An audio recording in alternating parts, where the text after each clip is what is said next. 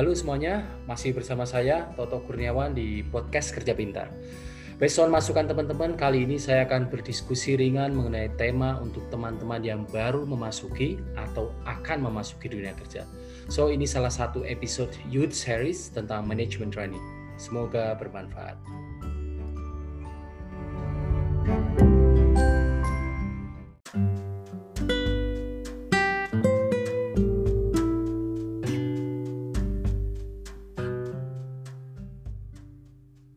Oke, halo teman-teman semuanya. Uh, jumpa lagi dengan podcast Kerja Pintar.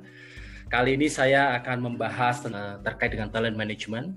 Jadi di sekitar dua dekade yang lalu, mungkin sekitar akhir tahun 90-an atau awal tahun 2000-an, uh, sejak salah satu konsultan McKinsey yaitu Chambers memperkenalkan istilah the war of talent ya, yaitu persaingan untuk mendapatkan resource karena waktu itu human resource yang berkualitas itu sedikit banget sehingga perusahaan tuh spending banyak untuk berebut talent di market. Nah terkait hal ini John Bersen mengatakan bahwa efek dari the war of talent itu adalah zero sum game. Apa itu zero sum game? Yaitu di mana keuntungan yang didapatkan dari sebuah organisasi atau perusahaan itu equal dengan kerugian yang diterima oleh perusahaan lain ketika terjadi uh, perpindahan talent gitu. Makanya ketika di sum akhirnya agregatnya menjadi nol. Nah uh, kondisi ini nggak bagus untuk uh, development knowledge, skill maupun overall capability dari talent-talent yang ada.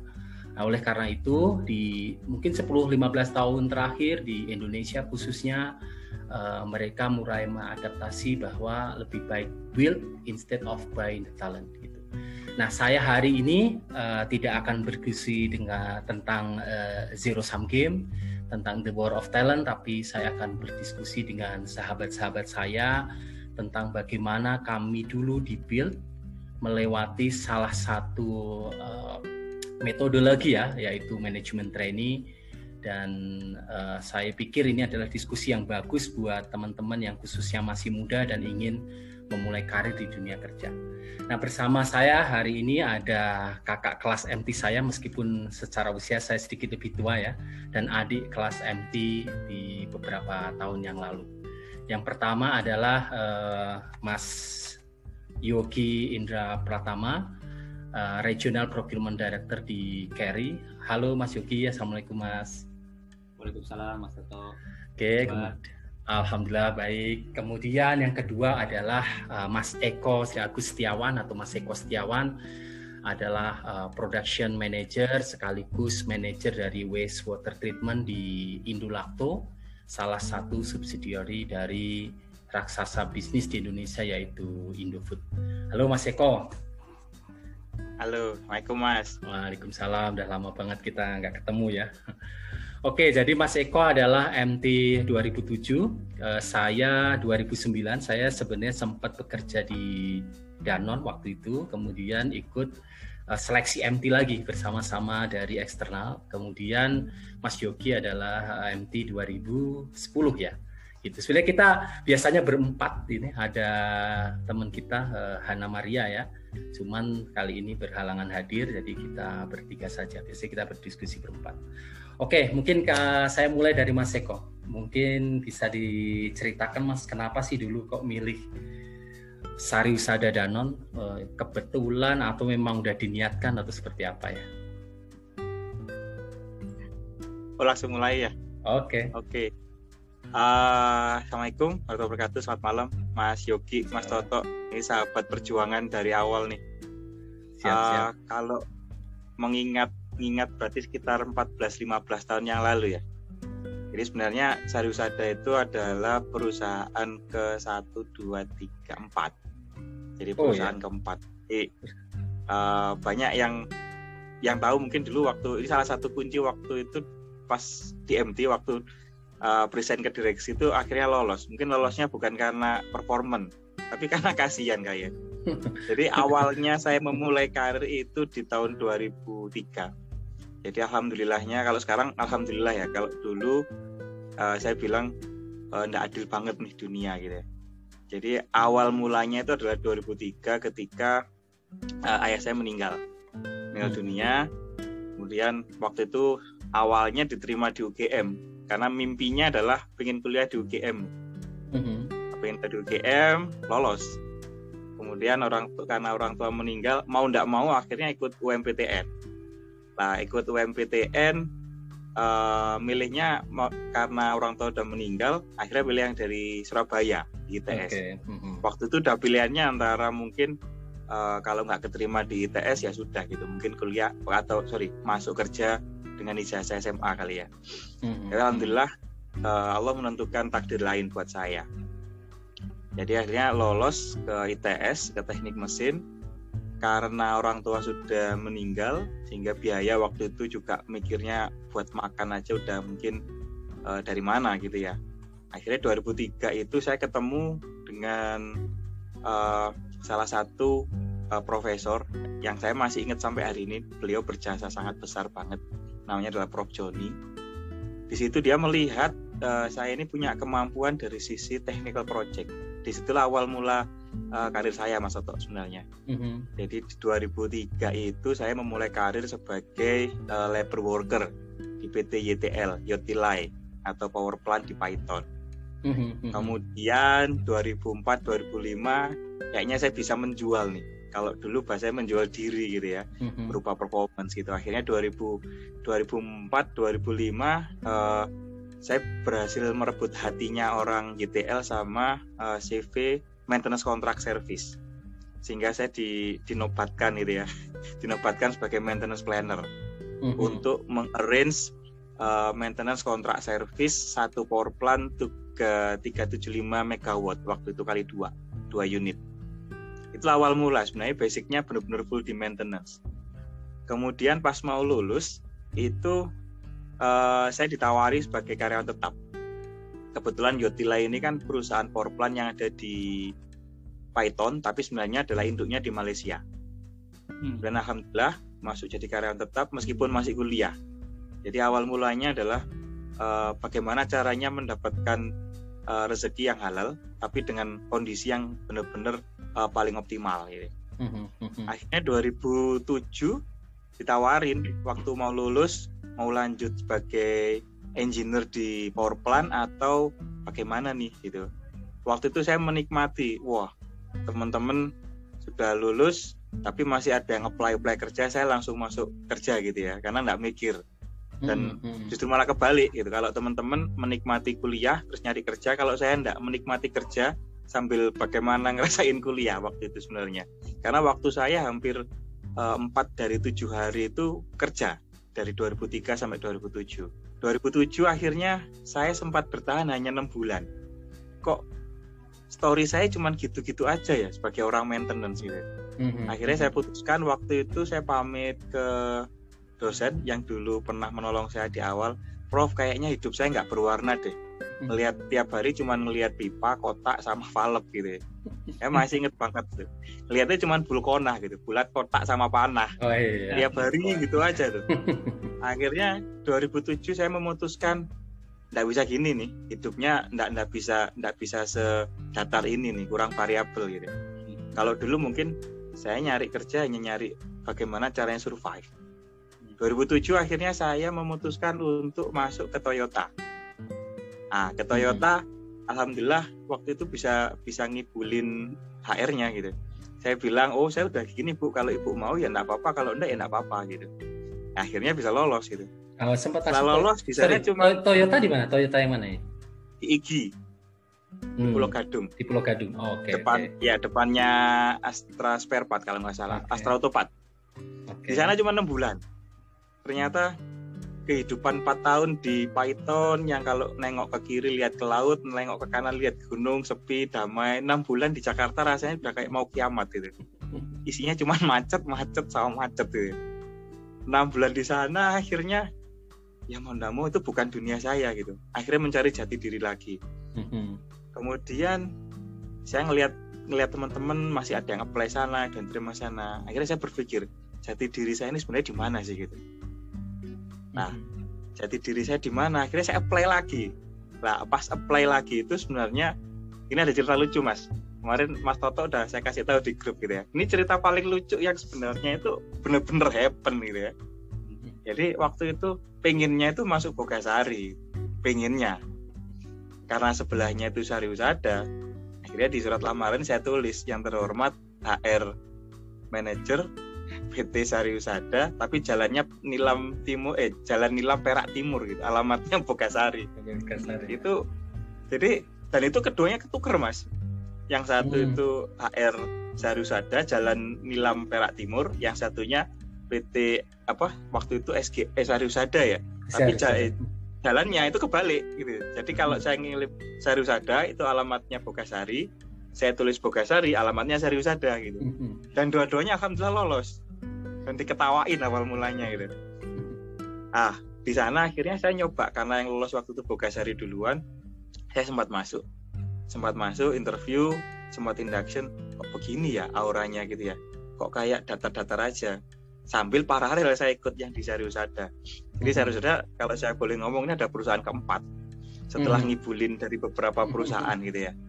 Akhirnya masuk ke Sariusada kalau ditanya tesnya berapa kali, saya masih inget tuh. Hmm. Yang pertama yang jelas ngumpulin lamaran kali ya. Mas Yogi, hmm. Mas Toto mungkin enggak eh merasakan enggak ya? Sama, ngumpulin kertas, naruh di di apa itu di kayak mapnya oh, apa enggak, kayak enggak, job enggak. job center gitu. Hmm. Nah itu saya merasakan tuh. Jadi saya itu saya kumpulin di, gitu. Di, di stand itu Mas Mas Eko itu di ITS atau gimana? Di, di ITS, SAC. Hmm. Yeah. Dikumpulin sana. Kumpulin, dari itu screening dulu sama orang-orang ITS.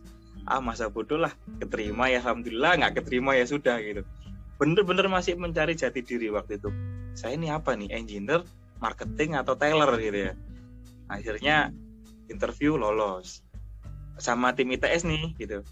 Hmm. Akhirnya terus kemudian interview sama waktu itu HR HR baru ketahuan ini alamatmu salah gitu. Masih mau ngelanjutin nggak? Gitu. Ya saya jawabnya waktu itu polos banget gitu. Ya kalau rezeki saya di sana ya silakan dilanjutin bu. Kalau enggak ya sudah gitu. Eh, ya itu malah buat lolos gitu. Jadi anehnya ke sana malah. Jadi nothing tulus ikhtiar maksimal doa pentokin gitu. Gitu. Okay. dari okay. sana akhirnya psikotes. Psikotes okay. habis psikotes terus kemudian tes ke Jakarta. Jakarta terus ke Jogja. Habis dari Jogja terus kemudian ke Jakarta lagi di DI sampai yeah, terakhir DDI. itu adalah tes kodi. Waktu itu masih kodi tiga orang tuh di DI termasuk termasuk IELTS juga di tes IELTS nggak termasuk IELTS iya kan hmm. iya nah, itu termasuk IELTS saya nggak tahu mungkin antara kalau Mas Toto tadi bilang 1600 seingat saya itu angkatan saya mungkin angkanya masih 600 800-an kali. Mm-hmm. Yeah, yeah. Yang angka segitu waktu MT angkatan pertama itu. Akhirnya mm-hmm. yang lucu itu terakhir waktu ketemu sama tiga direksi yang membuat saya sampai hari ini itu kalau ketemu beliau masih hormat gitu ya. Artinya beliau adalah benar-benar real mentor gitu yang nentuin saya sampai hari ini yang pertama itu ya Pak Rahmat Suhebi. Mm-hmm. Yang kalau orang bilang tuh ngomong saya kembarannya gitu ya. yang kedua itu Pak Sony yang sekarang jadi mentor dan atasan-atasan saya. Iya. Kemudian yang ketiga itu Pak Agus Samsudin. Nah beliau bertiga oh, ini iya. kalau saya boleh bilang itu benar-benar mewarnai dari awal gitu. Di sana itu nggak cerita banyak, cuman saya ceritakan awal story saya 2003 sampai sampai ketemu beliau bertiga hari itu dan uh, beliau langsung respect ke saya dan saya masih ingat waktu hari itu itu yang minta saya join tuh malah Pak Sony. Mm-hmm. Jadi waktu klub itu ada cerita lucu lagi tuh, nggak ah. pernah. Ah, dulu cerita lucunya. Nah, saya saya mau coba cek dulu ke Mas Yogi. Kalau dulu Mas Yogi gimana? Uh, kenapa akhirnya memutuskan masuk manajemen trainee?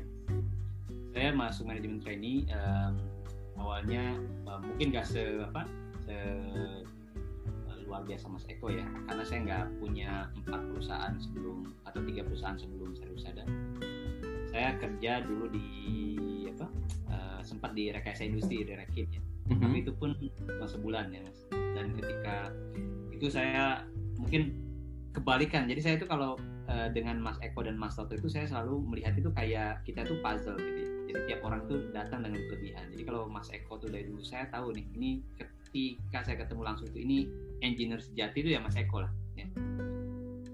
kalau saya walaupun sama-sama teknik tapi begitu saya masuk uh, ke dunia teknik yang sebenarnya di rekayasa industri gitu kan. Dan hari pertama di, di hari-hari awal itu saya diminta ini loh ada buku pipa tebel gini tolong belajar. Ini buku pompa tolong belajar. Karena kita tracking waktu itu ada tender dengan apa uh, mobil cepu gitu ya yang di Exxon mobil gitu kan di cepu. Dan di situlah saya langsung melihat bahwa kayaknya ini bukan dunia saya gitu. Mm -hmm. Dan kemudian uh, ada interaksi dengan temen yang waktu itu adalah uh, dia Nestle apa uh, Management Training Program. Mm -hmm.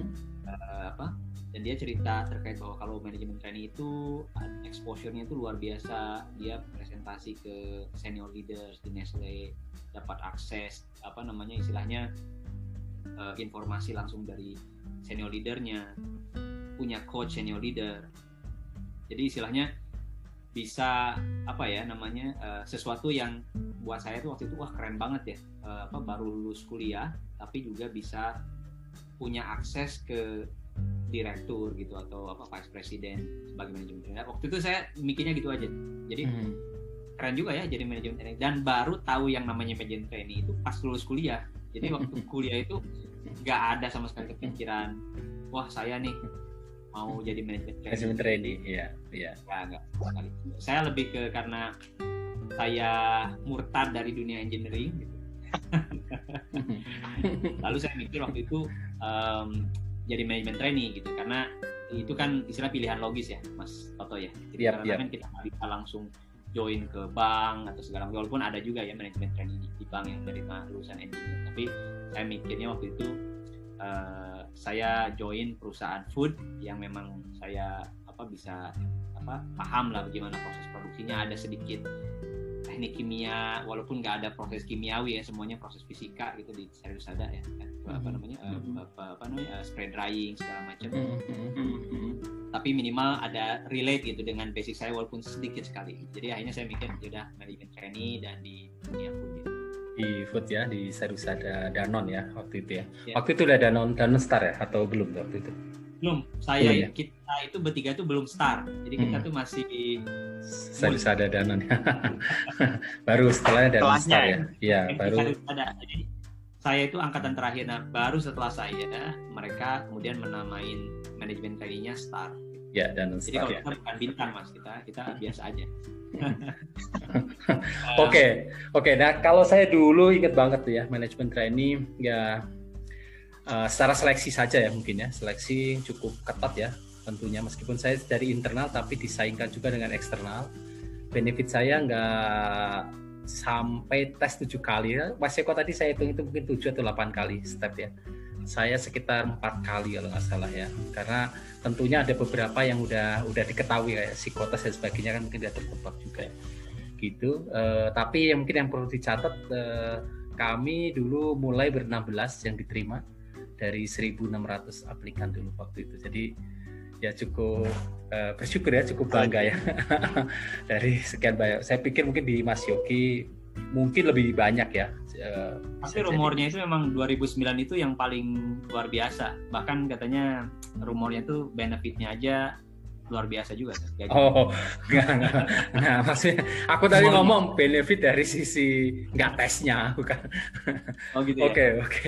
Oke, terus uh, uh, mungkin kita bisa sharing juga uh, apa saja sih yang diajarkan selama uh, di manajemen training. Mungkin Mas Eko dulu ya.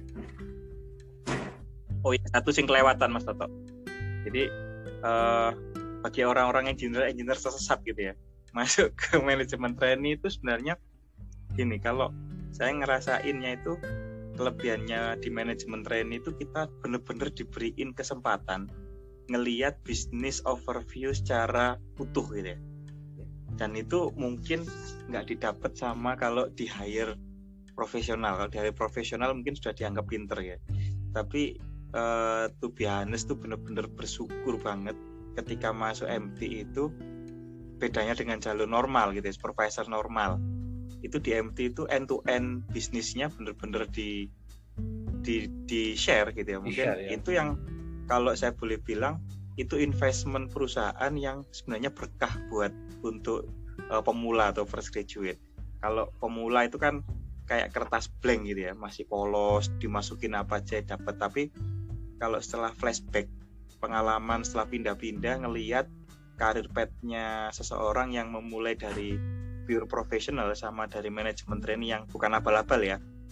Nanti manajemen training yang memang uh, company-nya itu nyediain waktu dana uh, dan memang road roadmapnya jelas. Itu benar-benar uh, wow banget gitu ya. Nggak hanya ngomong manufacturing tapi ngomong end to end bisnis mungkin uh, mungkin dari sisi penyiapan material dari cow to cow lah dari sapi mungkin kembali ke sapi atau kalau dulu Indul eh sorry Indulak tuh di Danon lebih kenal dengan project cow to spoon ya Mas Yogi ya ya masih inget nggak ya lah cow to spoon tuh benar-benar diajarin gitu spoon atau atau ini Mas uh, farm to fork sama aja sih ah ya. farm to farm to farm to table atau apa hmm. gitu ya Iya, iya. Itu. Itu Mas Toto. Iya, Benar-benar ya. end to end. End to end ya buka pikiran, buka pikiran engineer-engineer yang murtad gitu ya. Jadi nggak pengen belajar detail hmm.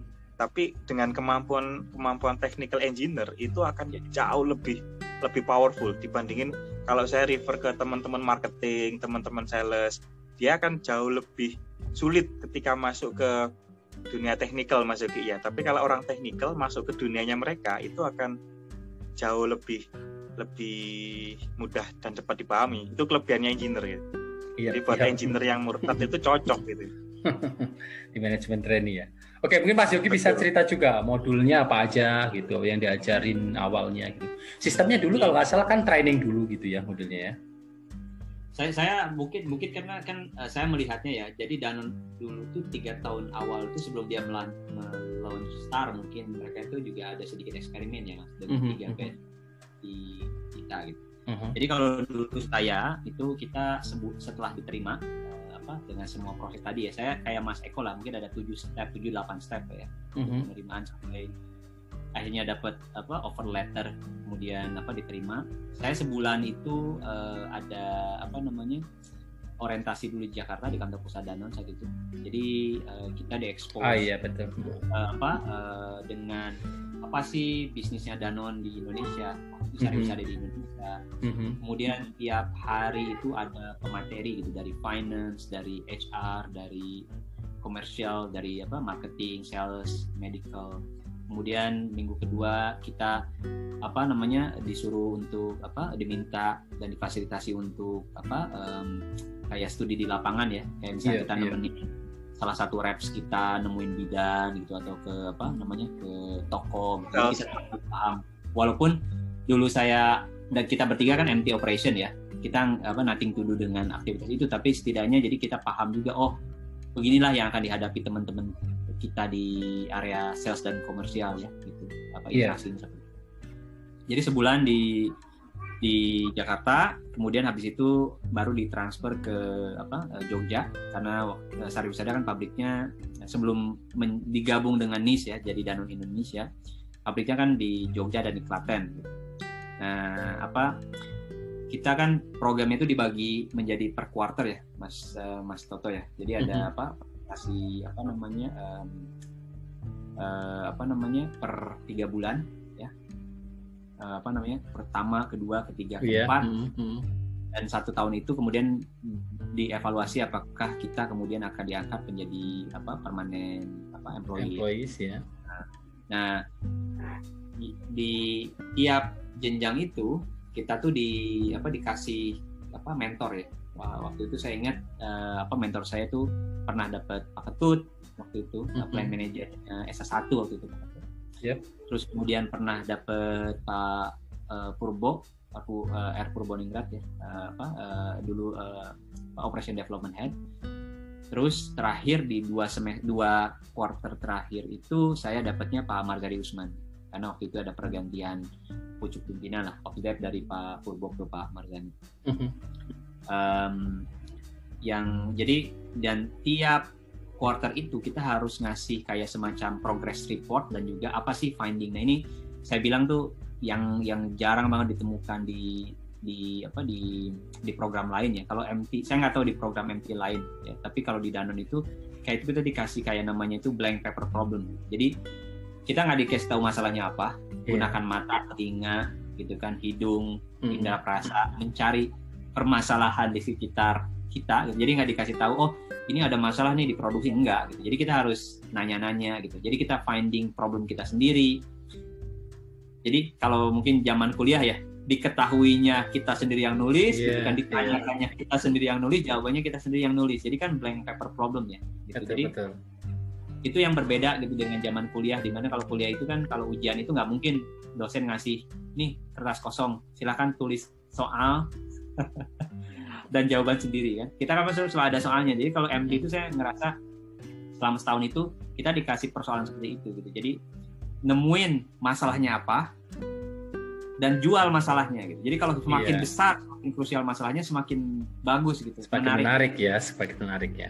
Ya jadi kayak internal consultant gitu kan, Mas. Jadi kita kayak nyari uh, apa? Dan saya dulu ingat saya nanya Mas Eko, Mas Toto, apa sih dulu presentasi MT-nya bisa boleh share nggak? Wah keren-keren juga ya. Terus ini udah ditemuin nama MT-MT sebelumnya saya, tinggal apa nih masalah? jadi menarik juga, tapi selalu aja ya, selalu ada masalah baru lah. Namanya perusahaan dinamis, jadi ada sesuatu yang terlewat. Jadi kita memberikan kacamata baru, kita kasih finding dan yang menariknya juga finding kita bisa jadi salah gitu, tapi prosesnya itu yang di, di acknowledge gitu. Ya, di acknowledge betul masalah. Pada akhirnya kemudian ketika saya PD-nya ini bukan presentasi ya ketika saya cerita ke Pak Ketut Pak saya nemuin problem nih ternyata di produksi itu begini Pak. Dia bilang salah kamu ini datanya nggak begini harusnya tuh begini. Oh ternyata nggak ada ini nggak bukan masalah gitu sebenarnya. Jadi saya menemukan masalah yang salah gitu. Tapi proses itu yang saya enjoy jujur gitu. Dan hmm, hmm, hmm. mungkin itu menjadi fondasi apa basis atau fondasi ke depannya kita semua ya karir kita gitu Iya, iya. Apa di mana kita harus apa tadi yang self starter gitu kita nemuin masalah sendiri, yeah. nemuin solusi sendiri, propose sendiri, eksekusi sendiri gitu. Iya. Yeah. paling berharga. Iya, termasuk mencari opportunity ya di di setiap uh, field yang kita ditugaskan waktu itu ya. Sebenarnya yeah. ada assignment gitu ya. Oke, berarti dulunya kita uh, teman-teman ya kita ada project quarterly yang harus di dievaluasi dan di tengah-tengah evaluasi itu uh, beberapa dari kita mesti harus apa ya uh, harus rela untuk gugur. gugur ya gitu. Jadi di angkatan saya dari 16 tersisa 13 di Mas Eko berapa Mas? Dari 10 tersisa 8 oke Mas Mas Yogi lulus semua. saya paling banyak ya kayaknya saya mungkin ada total ya mas tapi juga hmm. karena dana waktu itu di, berkembang ya iya berkembang betul hmm. tapi juga yang gugurnya baik alasan satu leha juga banyak ya karena hmm. dari mulai yang alasannya menikah hmm. resign hmm. sampai ke pindah perusahaan dan juga nggak lolos uh, dari saya tuh sekitar 20 jadi 10 orang ya. Uh, banyak banget ya.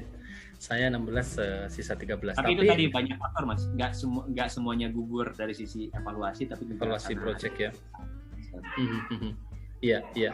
Tapi anyway yang gugur pun di tempat lain juga cemerlang juga ya, tetap ya, karir bagus-bagus ya. Betul. Oke, nah secara perjalanan itu pas ketika pendidikan di MT ya, uh, yang paling challenging apa sih? Uh, mungkin bisa share ya, Mas Eko atau Mas Yogi dulu ya, silakan. Mas Eko deh. Biar biar giliran terus ya, nggak Eko Mas Eko duluan, biar saya duluan. Oh iya boleh ya. boleh, iya. Mungkin kalau saya yang paling challenging buat saya itu adalah um, uh, apa diterima oleh apa namanya um, environment gitu. I see, iya iya iya. Karena jujur ya saya saya kan uh, suku saya saya orang Sunda gitu. Mm-hmm. Kita kerja di Jogja dulu. Saya ngerinya itu apa akan ada kayak apa ya namanya operator itu nggak merasa kedekatan dengan saya gitu, yeah, karena yeah. saya nggak ngomong bahasa Jawa ya. Gitu. Jadi kalau Danon bahasanya proximity ya ya proximity jadi yeah. kurang dekat gitu kedekatan itu dan dan, dan tapi ternyata itu cuma mindset aja sih gitu kan ternyata uh, environment itu apa sangat welcome jadi pertama tuh yang saya rasakan itu uh, apa, challenge awal itu adalah di mental blocknya itu saya merasa saya bakal diterima nggak sama masyarakat atau apa uh, tim Danon Yogyakarta mm-hmm. gitu ya. Yeah. Yang kedua itu adalah start dengan problem tadi. Jadi yang saya bilang yang blank paper problem itu saya nggak nemu-nemu masalah yang menjual gitu. Jadi nemu masalah, ah terlalu cetek nih gitu kan. Masalahnya masa mau empty presentasinya ke direktur begini sih problemnya gitu terus yeah, yeah. apa jadi finding gitu apa namanya uh, apa namanya uh, masalah itu yang itu yang juga cukup stres gitu. sampai akhirnya kemudian nemuin ah ini dia masalah yang apa yang saya apa namanya uh, uh, bisa address bisa saya jual gitu ke ke, ke manajemen ya sebagai apa uh, apa project Tuh yang ketiga itu uh, lebih ke ini sih apa namanya uh, faktor apa namanya uh, pribadi. Jadi saya uh, jauh dari keluarga karena apa namanya dulu sepanjang hidup saya saya habiskan di Bandung dan Bogor. Gitu. Jadi mm-hmm. dunia baru Jogja uh, apa walau dulu di kuliah sempat ke Kalimantan, sempat ke beberapa daerah, tapi itu kan cuma seminggu dua minggu lah ya, mm -hmm. kan lama sebulan. Ini kan lama sekali gitu. Jadi faktor apa rumah gitu, homesick itu jadi sempat saya rasakan juga gitu mana mm-hmm. yeah. saya apa namanya support apa keluarga besar saya gitu itu sih yeah.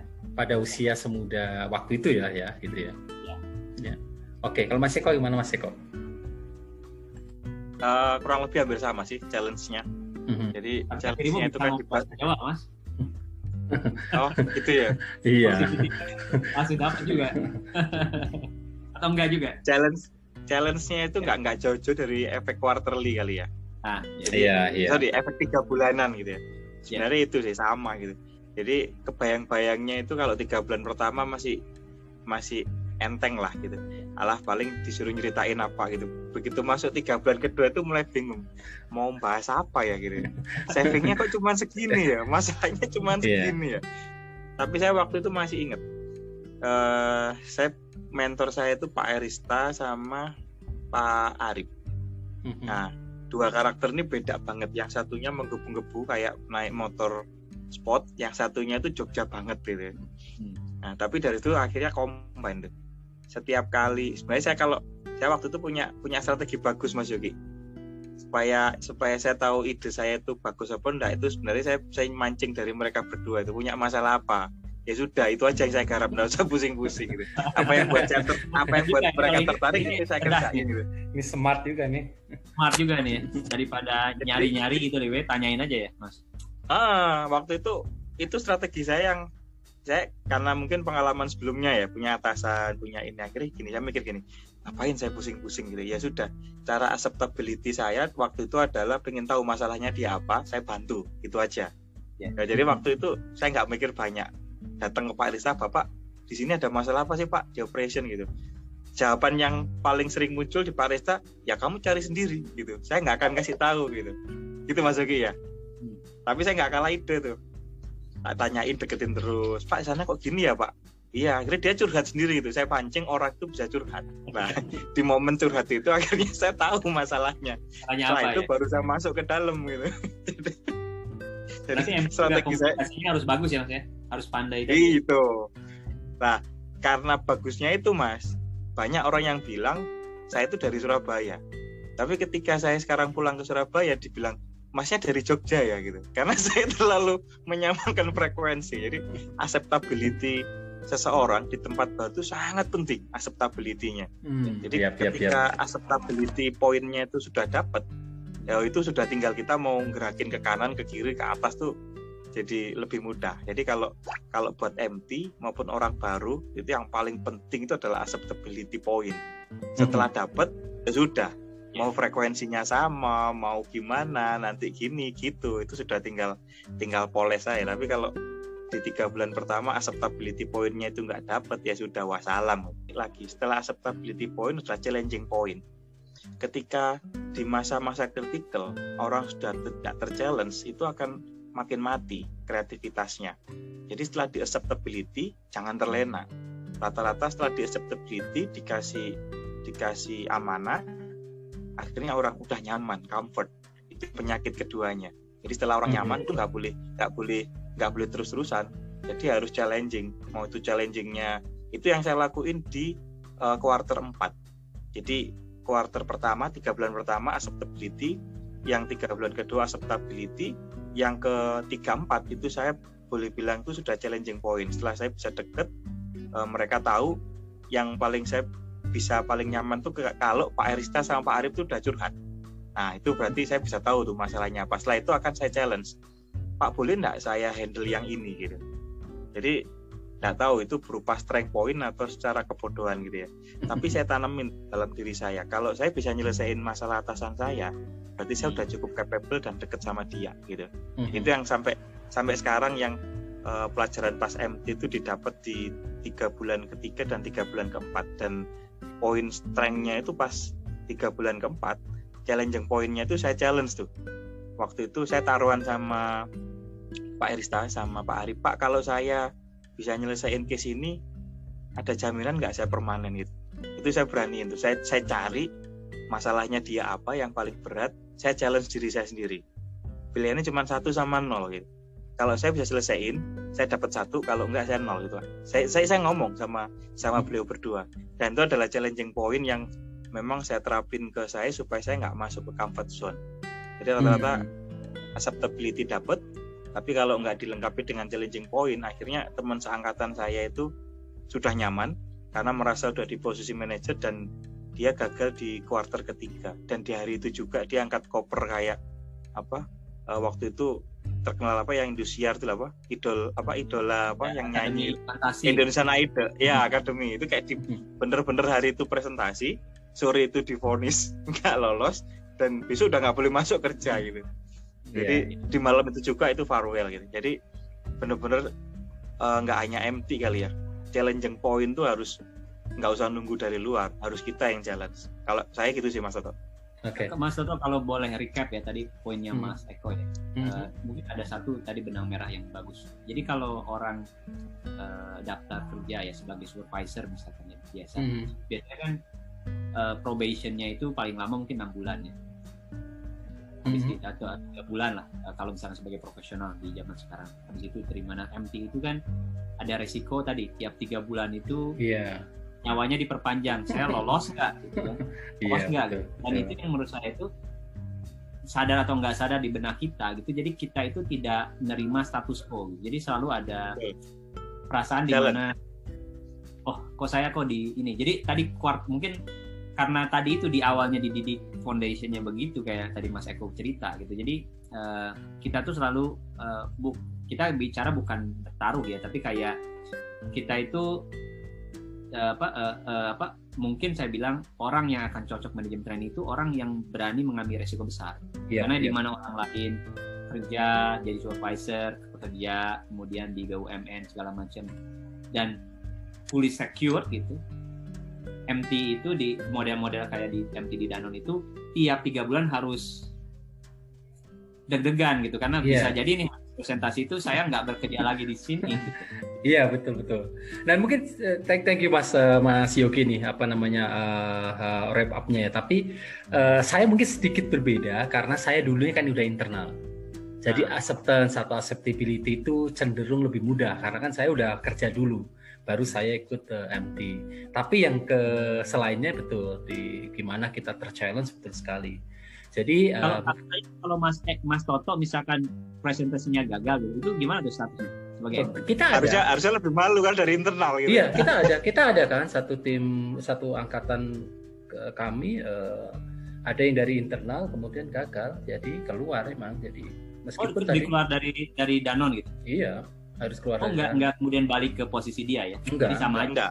Oh, harus keluar ya mas ya? ya harus keluar. Okay. Nah dulu saya uh, sekedar sharing di presentasi satu, oke okay lah dua mungkin uh, apa ya under average mungkin ya. Presentasi ketiga saya bagus banget, saya sampai dibilang uh, you are ready to next challenge gitu nah atau next level gitu ya gitu. Nah di presentasi keempat saya dapat waktunya cuma satu setengah bulan. Waktu itu mepet banget itu. Jadi saya pikir satu setengah bulan ini harus berpikir gimana yang sifatnya strategik ya. Karena saya pikir ke next level berarti sifatnya strategik. Jadi saya bikin kayak konsep leading sama lagging indikator ya buat uh, monitoring quality di operation. Nah, tapi tahu sendiri kan, leading sama lagging indikator kalau konsepnya itu setengah, itu kan namanya jadi konsep reporting doang. Jadi nyetor report doang, tapi analisanya nggak dalam, cause effect-nya nggak dalam, macamnya nggak dalam, mengakibatkan benar-benar simple question, Mbak. Jadi apa yang kamu lakukan selama ini cuman memanage report ya jadi kayak menggantikan form reporting gitu gitu wah itu kaget banget ya. jadi sebenarnya idenya itu adalah merubah kebiasaan orang mementokkan eh, apa namanya monitoring quality itu di di indikator dirubah ke leading gitu itu nggak ketangkep ternyata itu sampai di presentasi keempat tuh infonya saya di polling antara lolos atau nggak lolos gitu. Jadi, siapa yang siapa yang ngasih golden ticket ya mas? Ada kalau nggak salah Pak Joko Julianto aja golden ticket Pak Joko. Itu kalau Mas Toto di keempat ya, saya di kedua Mas diusir saya... sama Pak Sony itu. itu jadi memang benar sih uh, jadi kayak kalau misalnya di bahasa umum itu kayak new carrot ya jadi kita itu kalau kelinci itu uh, apa namanya uh, carrot itu apa? Uh, carrot baru itu itu yang yang yang jadi yang jadi sesuatu yang kita kejar terus gitu. Mas Toto ada satu kalau saya uh, uh, mungkin yang agak sedikit fail ya walaupun nggak tetap di extend itu di presentasi ketiga gitu. hmm. uh, tapi saya ingat ada kata-kata Pak Marzani Usman yang yang ini mungkin juga relevan buat Mas Toto jadi dia bilang gini Yok kamu nih nggak bagus nih di presentasi saat ini gitu. eh yang kali ini gitu tapi orang itu udah percaya sama brand kamu iya iya hmm. jadi mereka masih mau ngasih kesempatan gitu jadi mungkin ini juga menarik tadi dilingkan ke Mas Eko yang terkait acceptability ya. Dan orang tuh udah jadi kayak I kalau see, orang tuh yeah. kayak bahwa Mas Toto yang sebenarnya itu sebenarnya nggak kayak gini gitu. Cuma ini lagi ya. lagi lagi down aja hari presentasinya gitu. Sih? Jadi brandnya itu udah Toto, Eko, Yogi itu udah ekspektasi orang udah tinggi. Kalau kalau di di apa di analogikan tuh kayak Indonesian Idol itu sempat ada yang bilang kamu itu karena bagus-bagus-bagus sekarang ini bagus sih tapi nggak sesuai ekspektasi saya gitu ngerti nggak? Tapi iya, tetap iya, bagus. Iya betul betul betul. Karena brandnya Mas Toto itu mungkin di mata apa manajemen Danone saat itu udah bagus gitu. Cuma mungkin ada sedikit deep lah ya mungkin apa. Betul. Jadi kayak ada penurunan tapi overall tuh masih sangat layak untuk dipertahankan gitu. Saya masih yeah. itu kata-kata Pak Marzani itu. Iya yeah, ya, yeah, thank you, thank you. Oke, terus uh, output dari manajemen trainee ya. Ya mungkin ini dari opening saya tadi build kemudian ada yang buy ya sebenarnya tidak seideal yang diharapkan ya. Outputnya tidak tidak semuanya bertahan di company tersebut sebenarnya. Tetapi kalau secara overall saya lihat karir teman-teman uh, lulusan manajemen trainee bagus-bagus ya, hampir mungkin nggak bisa dibilang nggak ada yang jelek ya bagus-bagus. Cuman mungkin kalau misalkan kita premisnya masuk dengan gimana cara membangun talent sama gimana meng-hire talent ya kita adalah kumpulan orang-orang yang dibangun dan kemudian ternyata uh, keluar gitu gitu. Tapi mungkin bisa sharing ya uh, gimana bener nggak uh, pendapat saya bahwa karir-karir teman yang melewati uh, program manajemen training cukup bagus mungkin Mas Eko dulu. Dari siapa dulu nih, Mas Eko atau saya dulu? Mas Eko dulu deh. Jadi ya, kalau saya boleh bilang uh, perusahaan yang meng-hire talent dari ex management trainee itu nggak rugi gitu. Bukan saya bukan bukan saya jualan kecap gitu nggak ya. Mm -hmm. Tapi saya merasakan banget waktu itu ketika move dari Sariusada ke Indolakto itu nggak tahu itu berkah atau memang sudah rezeki saya gitu ya saya masuk di Indolakto 2012 waktu itu umur saya masih 27 prosesnya nggak usah tak ceritain lah. Kalian bertiga eh berdua udah terbekar saya tahu. Waktu saya berkah banget itu. Saya masuk selevel saya itu dengan grade 2 grade di bawah saya itu umurnya hampir rata-rata 40 40 tahun ke atas. Saya di situ masih 27 masih istilahnya anak bau kencur lah. Hmm. tapi sama Pak Sony langsung dikasih amanah kalau dibilang waktu itu engineering manager tapi sebenarnya technical manager karena hampir uh, eh, 100% technical yang di pabrik itu ya ya saya yang handle gitu. Mm-hmm. Waktu itu antara percaya dan tidak percaya gitu. Tapi ternyata setelah saya menjalani sekarang, oh ini alasannya kenapa si Pak Sony itu naruh saya di situ gitu. Karena ternyata si orang manajemen trainee ini sudah dapat bekal end to end bisnis dan kalau kalau saya comparing ya comparing each other itu dengan manajer yang peer dengan saya itu level of knowledge-nya itu beda. Sama-sama manajer tapi ketika dia mengawali karirnya dari MT itu saya bandingin nih ada ada 10 head of department kebetulan di factory yang di Purwosari itu ada beberapa yang lulusan XMT satunya mungkin XMT-nya Astra gitu ya. Saya dari XMT-nya Sarusada itu pola pikirnya kalau kita bandingin dengan head of department yang ngawali karirnya dari pajakan dari supervisor yang supervisor reguler itu beda. Okay. dari cara dia berpikir komprehensif berpikirnya kompleksiti dia berpikirnya merangkaikan benang dalam satu bisnis itu beda. Si ex lulusan MT ini kalau saya ngelihat itu bisa melihat satu masalah nggak hanya dari satu sisi tapi dari segala macam sisi itu bisa ngelihat dan capture. Nah kalau yang uh, head of department reguler atau kalau saya boleh ngomong perwira karir MT itu kan kalau di militer kayak akapol gitu ya. Akpol ya iya akpol lah. Iya. beda gitu. Kita pangkatnya mungkin sama-sama kapten gitu ya. Tapi kaptennya dari akpol sama kaptennya dari mungkin bintara gitu ya. Kalau kita mau sebelahnya perwira karir atau bintara gitu ya. Hmm. itu beda. Iya, iya. yang karakternya dari akpol ini ketika diterjunkan di segala medan itu siap bedanya di sana nah hmm. kalau yang yang head of department dari reguler itu uh, butuh waktu untuk swing or apa ya lupa kalau istilah Pak Sony itu tenggelam atau benar-benar renang. Hmm. Gitu. Jadi karakternya orang XMT itu helikopter view, general view-nya itu dapat kalau saya yeah. boleh bilang. Sing or swim ya harusnya. Ah bener. Kayaknya okay. udah pernah tenggelamkan, makanya saya pancing ke sana. ya enggak itu kan istilah dryer ya, sing or swim ya. Oke oke. Oke oke, good. Kalau Mas Yogi sendiri gimana? Ya selain Mas Yogi tentunya. Ya, karir uh, teman-teman mungkin. Ya. Sebenarnya kalau kalau saya um, apa melihat teman-teman yang di MT ya setuju dengan Mas Toto ya apa namanya jadi karena uh, kalau proses rekrutmen manajemen trainnya benar gitu dan sangat rigorous gitu ya apa jadi filternya itu ya pasti dapatnya krim apa apa apa namanya krim darah krim jadi memang yang yang yang apa udah yang bagus gitu mas jadi hmm. tinggal dikasih environment yang bagus challenge yang menarik gitu Betul. itu semuanya luar biasa lah dan hmm. dan itu terbukti lah apa namanya uh, hampir semuanya karirnya bagus uh, apa? Uh, cuman mungkin lebih ke apa? Yang yang yang yang bukan kontra ya tapi kayak terbalik dengan Mas Eko tadi. Apa sih yang manajemen training nggak punya gitu? Dibandingkan mm-hmm. perwira karir tadi gitu yang merintis dari bawah dari staff gitu. kayak misalkan kalau saya nggak salah tuh dulu misalkan Pak Sony itu tahu saya dari bawah banget ya dia yeah, dari yeah, betul, betul. Dan dan mungkin Pak Happy boro-boro ada namanya manajemen training gitu ya. Apa namanya?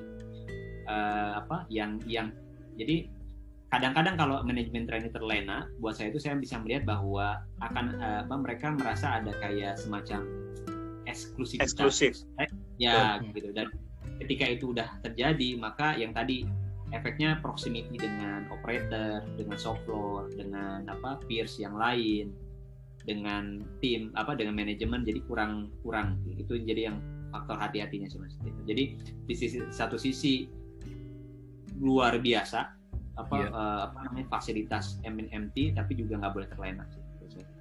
Iya, siap.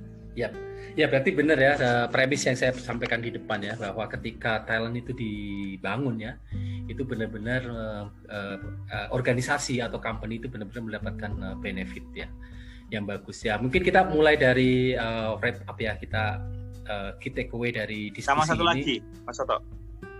Oke. Okay. Nah, kalau perusahaan sudah invest cost ke manajemen training, dan kalau sampai MT-nya lolos itu yang rugi bukan MT-nya tapi perusahaannya iya iya betul oke oke mungkin kita kue saya lihat uh, di manajemen training saya biasa melihat sebuah proses itu dari tiga sisi ya dari bisnis uh, driven atau cost driven kemudian dari proses driven sama customer ya nah tiga tiganya itu uh, terpenuhi sebenarnya jadi cara kita ditaruh di marketing HR, finance itu mengajarkan bahwa kita itu tahu proses secara global, kemudian tahu juga customer kita, dan tahu juga bisnis kita itu sebenarnya arahnya ke mana. Gitu. Jadi memang pola pikir kita terbentuk. Mungkin kita bisa ter, terjun atau terpaksa di skup yang kecil tapi cara berpikir kita juga tetap tetap luas ya gitu. Itu kalau yang saya lihat ya apa benar-benar uh, uh, keuntungan ketika ikut program manajemen train ya. Mungkin kalau Mas Yogi apa uh, keuntungan utama selain mungkin yang saya sebutkan tadi ya? Uh, Mas Toto tadi bilang apa? Yang pertama? Uh, cost atau business driven kemudian uh, process driven sama customer driven ya. Kalau saya sih um, keuntungan dari sisi apa nih perusahaan atau dari sisi dari pribadi, pribadi kita ya?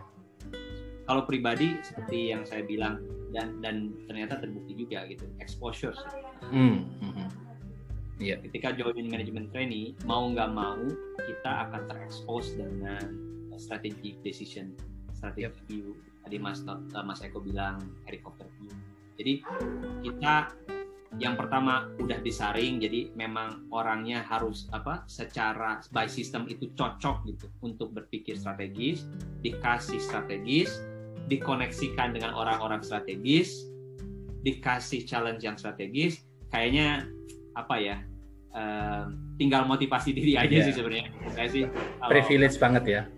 Banget sih sebenarnya apa untuk uh, manajemen training program seperti itu. Jadi itu sih keuntungannya utama buat saya Mas Mas Mas Jadi dan dan dan di luar itu juga ya um, yang penting itu um, kalau untuk saya karena saya kan manajemen training angkatan ketiga ya yang untuk uh, MT model modernnya di Janon Sari itu. Itu uh, kita nggak sendirian gitu. Jadi ada ada ada jadi ada networknya gitu walaupun mungkin harus bisa lebih solid dari sekarang tapi saya bisa apa sampai sekarang connect dengan Mas Toto, Mas Eko. Mungkin salah satu faktornya karena kita sama-sama XMT gitu ya. Jadi kayak ngerasa kalau kayak di Akmil itu kayak apa Akmil angkatan sekian sekian sekian. Jadi ada ada ada ada apa namanya ada ada ada bondnya ada ada apa ikatannya gitu. Apa namanya di sana yang lebih gitu daripada chemistry. Ya chemistry-nya hmm. uh, daripada uh, apa dengan yang karyawan atau teman kerja lain sih. Jadi saya saya ya jadi network. Jadi ketika misalnya kita butuh eh ada kita butuh data nih dari gua saya ada project yang kurang lebih nyambung ke supply chain. Kita punya teman di supply chain yang yeah, juga. Iya, yeah, betul betul. Ya kita bisa leverage gitu. Kita bisa pakai dia untuk dapetin datanya. Jadi buat saya sih dan kemudian apa ya? Jadi ada network eh, MT seangkatan, kemudian MT lintas angkatan yang buat saya juga itu berharga gitu memang yeah. sih harusnya lebih lebih dari ini ya harusnya bisa di hmm. di enhance lagi tuh jadi yeah, yeah. apa karena saya berpikir bahwa mungkin tiga angkatan awal ya eh, sebelum MT Star itu mungkin udah pada jadi orang gitu maksudnya ya dalam tanda kutip ya. udah yeah, yeah. connect the dot gitu bagus mm -hmm. banget itu networknya iya yeah, betul betul oke okay. oke okay, dari Mas Eko setuju banget sih kalau pesennya Pak Erista terakhir tuh if you want to build your career improve your skills knowledge yang terakhir itu yang sampaikan Mas Yogi network. Mm-hmm. gitu. Jadi kalau saya boleh bilang itu yang terakhir skills tuh bisa lah sambil jalan gitu ya. Knowledge bisa lah training mau seminar praktek apa. Tapi kalau network itu yang paling powerful. Gitu ya. Mm-hmm. dan uh, di MT itu kalau boleh saya bilang yang paling powerful networking. Persis banget yang sampein Mas Yogi gitu. Contoh paling simple kemarin. Uh, dari mungkin ada 60-an kalau enggak 100 manajer di Indolaktu kebetulan saya kepilih 11 orang. Salah satu dari 11 orang yang untuk kandidat ke level factory manager. Waktu mm -hmm. itu disuruh preset. Buka bisnis baru sorry buka plat baru idenya kayak apa. Itu dalam pikiran saya itu teman MT saya siapa yang marketing ya yang sales siapa ya? Oh yang performance siapa ya? Oh Mas Toto Mas Yogi. Bisnis dari gimana ya? Mungkin masih inget ya Mas Toto Mas kalau gini gimana? Terus Mas Yogi kalau beli gini gimana? Tanya Mbak Deli orang marketing kalau mau bikin produk baru gimana sih? Gitu. Oh alah ternyata ya ini benar gitu. Hmm. salah satu manfaat dari MT itu adalah network. Hmm. once networknya itu coba bayangin deh waktu itu saya mau connect ke marketingnya Indofood harusnya kan saya vertikal ya tapi ya. saya dapat kontaknya itu bukan dari orang Indofood tapi dapat dari Mbak Deli yang dia itu kan satu MT saya yang udah pindah mungkin sekarang di para eh bukan di di Dulux Nah, itu kan udah jauh okay. banget gitu ya. Iya, iya. Oh iya, ternyata dia punya link marketing yang headnya itu marketing Indofood. Jadi belok belok kanan dulu, terus dia lurus gitu. Keluar dulu baru masuk ya. iya. Jadi artinya kalau saya boleh bilang manajemen training itu skills knowledge-nya itu sudah dapat dapat privilege, tapi mm -hmm. yang paling powerful adalah networking. Saya nggak nggak habis pikir ya kalau saya hari ini punya pernah punya tim yang sekarang jadi procurement regional director gitu. Mhm. One day mungkin saya kalau ini saya jujur nih, one day kalau saya present, saya present uh, bukan one day sih, udah saya pakai sebenarnya Mas Yogi. Maaf Mas Yogi ya. Jadi waktu Mas Yogi cerita-cerita tentang Derry itu kemarin, dalam hati kecil saya itu ketika orang supply chain saya ngomong kita kehabisan SMP nih. Dalam hati kecil saya udah ngomong goblok lu saya udah dapat kabar dari kemarin dari Yogi gitu. Dan itu itu saya jadiin jadiin peluru Mas Yogi kemarin. Saya ngomong ke mereka apa yang apa yang sampein sampein itu karena krisis bisnis kayak gini vesselnya telat. Hmm. akhirnya uh, saya bisa punya kesempatan masukin fresh milk karena harganya itu lebih murah saya dapat itu tuh dari Mas Yogi. Nah itulah pentingnya network kayak saya boleh bilang. Andai kata saya nggak punya temen yang sekarang regional director itu saya nggak punya view kayak ke sana. Gitu. Jadi akhirnya ya, orang kayak ini maksudnya apa namanya biaya konsultasinya ya itu oh iya ya nanti kalau udah naik ya tak transfer itu. Tapi itu bener mas. Yang paling penting network. Okay, itu nggak okay. bisa nggak bisa instan betul betul harus terbangun dari ini ya. Oke jadi jadi benar sekali ya eh, bagaimanapun juga talent benar-benar perlu dibangun dan salah satu program yang mendukung banget adalah manajemen training. Mungkin kita bertiga tidak sedang bilang bahwa satu-satunya program untuk membangun talent itu dalam manajemen trainee tapi dengan manajemen trainee kita benar-benar mendapatkan segitu banyaknya privilege baik itu untuk ke diri kita maupun keluar artinya kita dari sisi exposure sama opportunity itu benar-benar terbuka lebar jadi buat teman-teman yang mencari kerja teman-teman muda yang terinspirasi dari podcast ini ya manajemen trainee trainee itu adalah mungkin salah satu opsi ya untuk one of the option. karir gitu. Oke, oke, okay, thank you nih Mas Eko sama Mas Yogi uh, sharingnya mudah-mudahan bermanfaat buat semuanya. Senang sekali ketemu lagi ya. Oke, sampai ketemu uh, dalam podcast selanjutnya teman-teman semuanya. 拜。